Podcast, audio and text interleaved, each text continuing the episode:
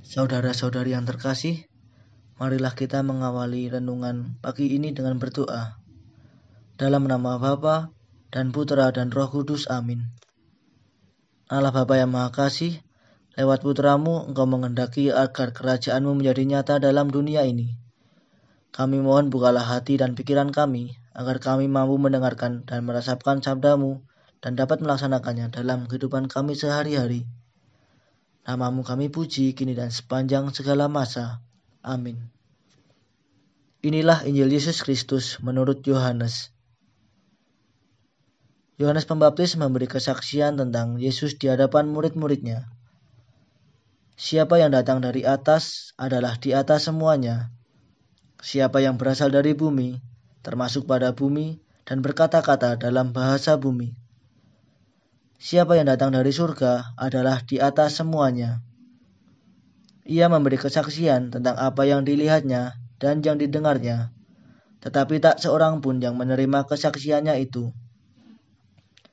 Siapa yang, men, siapa yang menerima kesaksiannya itu, ia mengaku bahwa Allah adalah benar. Sebab siapa yang diutus Allah, dialah yang menyampaikan firman Allah. Karena Allah mengaruniakan rohnya dengan tidak terbatas. Bapa mengasihi anak dan telah menyerahkan segala sesuatu kepadanya.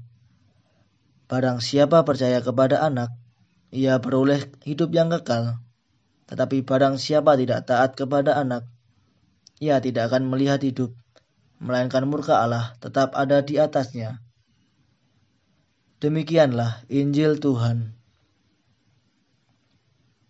Saudara-saudari dan teman-teman yang terkasih, salah satu kekuatan utama para rasul dalam mewartakan kebangkitan Kristus adalah pengalaman mereka mendapatkan pencurahan Roh Kudus Roh Kudus itulah yang membuat mereka berani menjadi saksi Kristus.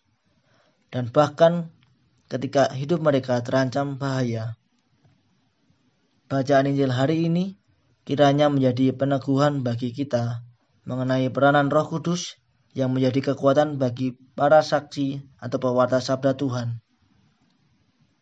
Roh Kudus yang sama juga telah diberikan kepada kita melalui sakramen baptis dan krisma. Karena itu, kita pun juga mendapatkan perutusan yang sama dengan mereka, yakni menjadi saksi Kristus yang siap diutus mewartakan Injil. Tentu saja, situasi dan kondisi kita saat ini berbeda dengan situasi dan kondisi yang dialami oleh para rasul. Akan tetapi, membagikan pengalaman iman dan anugerah Roh Kudus dalam kehidupan sehari-hari tak bisa ditawar-tawar lagi. Roh Kudus merupakan anugerah yang tak terbatas.